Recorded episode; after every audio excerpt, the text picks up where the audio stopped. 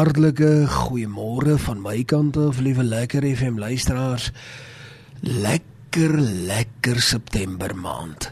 Daar sy die blommetjies beginne pronk oralste. Die hitte begin knaag, knaag en die gras begin groen word.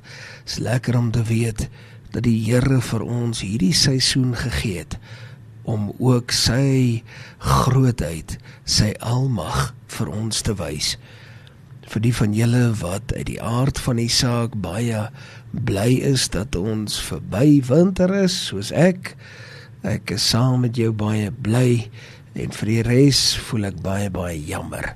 Jy weet winter is 'n is 'n seisoen in my lewe wat ek eintlik maar net probeer oorleef. En nou is dit daar. So laat ons vanmôre erns meen met die saak van die Here, die grootheid van die Here en die almag van die koning van alle konings. Julle sal onthou ek het laas keer gepraat oor Jesaja en het ek 'n paar gedagtes kom stroop en het ek 'n paar van die idees wat eh, vanuit die boek van Jesaja voortspruit wat na die oppervlak gekom het 'n bietjie bespreek. En dit was so treffend hoe jy daardie gedagte kry van dat maak nie saak hoe jou sake staan nie. Enige wêreldse alliansie sal een of ander stadium vir jou eintlik maar in 'n tipe van 'n teleurstelling inbring. Maar as jy die Here vertrou, dan maak dit die verskil. As jy die Here vertrou, dan gee hy ook die nodige redding. Wat 'n voorreg dat ons op daardie strate van goud sal wandel die strate van goud soos wat die woord van die Here dit aan my en jou verklaar. Wat 'n groot wonderwerk.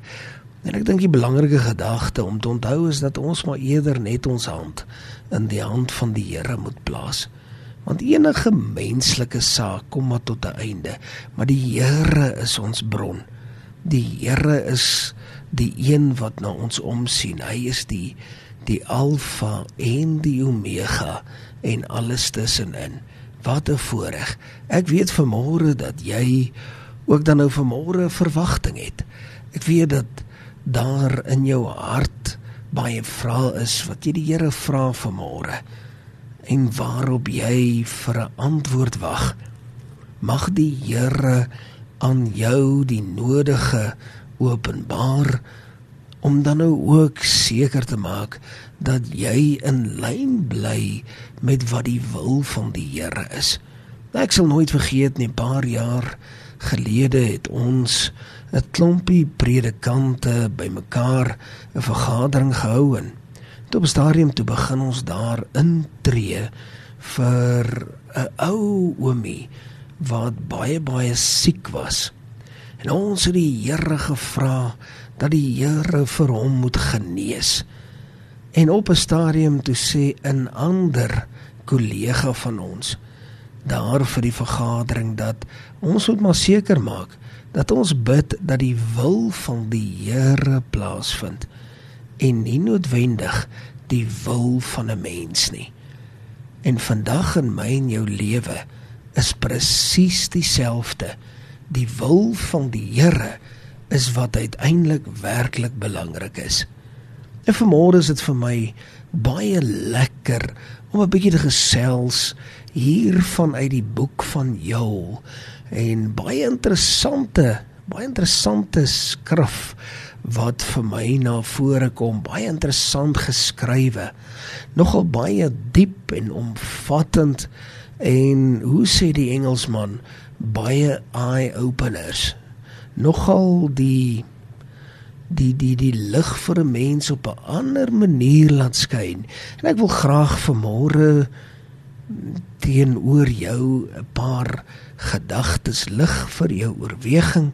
Mag die Here dan nou seën vanmôre bring met 'n paar van die hoofgedagtes, die samevat inligting van hierdie boek en mag ons baie seën daaruit put. Ek wil vra dat jy net daar waar jy is, jou oë sal sluit en dan bid ons saam. Hemelse Vader, kosbaar in U teenwoordigheid vanmôre en waar duisende ingeskakel is op Lekker FM 98.3 vra ek Here dat U die harte van elkeen sal verkoop.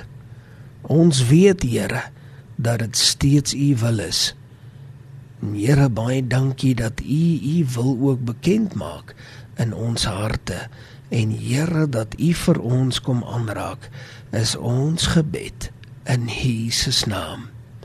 Amen. En amen. So treffend as 'n mens deur hierdie skrif lees. Onder andere is daar baie sake wat vir 'n mens nogal taamlik uitstaan en wat jou in jou gees kom aanspreek en wat jy by jouself nogal dink dat hierdie is woorde wat baie baie swaar weeg. Maar net so 'n paar gedagtes wat vir my na vore kom. Natuurlik is daar baie baie ander in hierdie boek maar 'n paar wat vir my na vore kom is die feit dat as ek so lees, dan is dit asof ek net weer 'n keer oor en oor daardie bevestiging kry dat die Here uiteindelik sal afreken met sy vyande. En ons moet baie mooi die verskil verstaan. Liewe lekker FM vriend, dat ons stryd is nie teen die vlees en teen die bloed nie. Ons stryd is baie groter as dit. Ons het 'n ander soort stryd en die Here sal afreken. En in hierdie boek kom ek net weer eens agter hoe getrou die Here daarin is. En dan laat dit my weer net besef dit wat ek vandag deurgaan is nie onbekend by die Here nie. Liewe lekker effe vriend, daar waar jy vandag luister. Jou saak wat jy mee stoei, daardie probleem wat die hele tyd na die voorfront kom, daardie saak wat jou werklik waar as te ware grys hare gee. Ek wil vandag vir jou sê, Die Here weet presies wat dit is. Die Here verstaan ook presies. En as dit is dat die Here afrekening moet doen, laat dit oor aan die hande van die Here. Moet dit nooit uit die Here se hand uitvat nie. Moet nooit dink jy kom in 'n posisie waar jy kan besluit wie afrekening nodig het. Wat as 'n ander mens dalk op 'n plek kom waar hy of sy besluit dat ek afrekening nodig het? Ek en jy sal nie baie daarvan hou nie. Ons sal onmiddellik sê luister is 'n saak tussen my en die Here.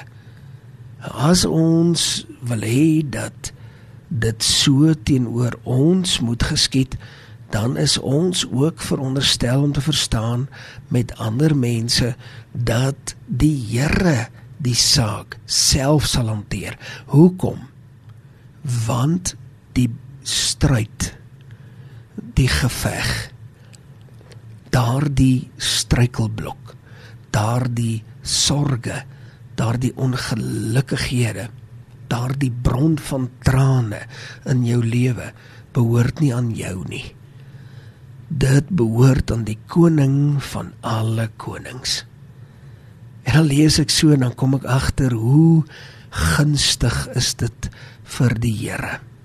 Wanneer mense kinders, wanneer sy kinders in ware en opregte belydenis hulle self bevind in ware en opregte belydenis waar hulle op 'n punt kom waar hulle self besef die hopelose staat waarin hulle hulle self dan nou ook laat wees of bevind. Liewe lekker FM luisteraars, ek en jy lewe in 'n sondige wêreld. Onthou, die woord van die Here sê ons elkeen het gesondig. En dit ontbreek ons aan die heerlikheid van God. Maar wanneer ons opreg, jy weet die Engels praat van 'n sekere woordjie wat vir my so mooi is, en dis die woordjie sinseer. Wanneer dit sinseer is, opreg is, wanneer daar niks valsheid aan dit gekoppel is nie wanneer dit suiwer suiwer belydenis is teenoor die Here en die Here wag vir daardie oomblik daardie oomblik is vir die Here so belangrik. En dan is dit vir die Here 'n tweede natuur omrede hy 'n God van die tweede kans is en 'n derde en 'n vierde en 'n vyfde kans. Dan sal hy vergewe en dan sal hy restoreer. En in sommige gevalle waar hy restoreer is dit self sterker daardie gebrokenheid is self sterker waar hy dit gerestoreer het as wat dit in die begin was toe dit nog reg was en dit is net 'n lewendige alom en al ewige God wat dit so kan doen. Die Here beloof. En dis nog iets wat ek so pertinent sien wat hier voortspruit. Dat die Here beloof om sy Heilige Gees uit te stort. Wat is sy Heilige Gees? Sy Heilige Gees is daar om vir my en jou te bekragtig Onthou die Here het in die begin voordat hy opgevaar het, het hy gesê wag net hier. Ek stuur iemand vir julle wat vir julle krag sal gee. Jy het baie maal op 'n plek gekom waar jy net dood eenvoudig nie kan sien vir 'n sekere saak nie.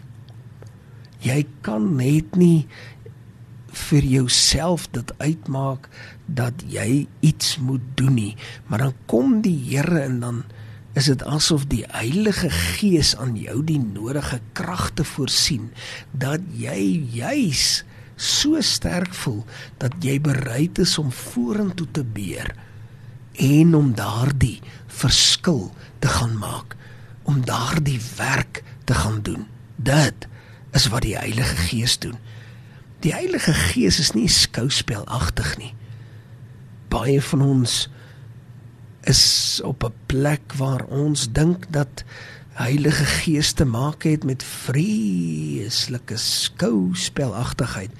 Daar bestaan nie so ding nie. Die Heilige Gees is daar om jou te bekragtig om iets te doen vir die Here.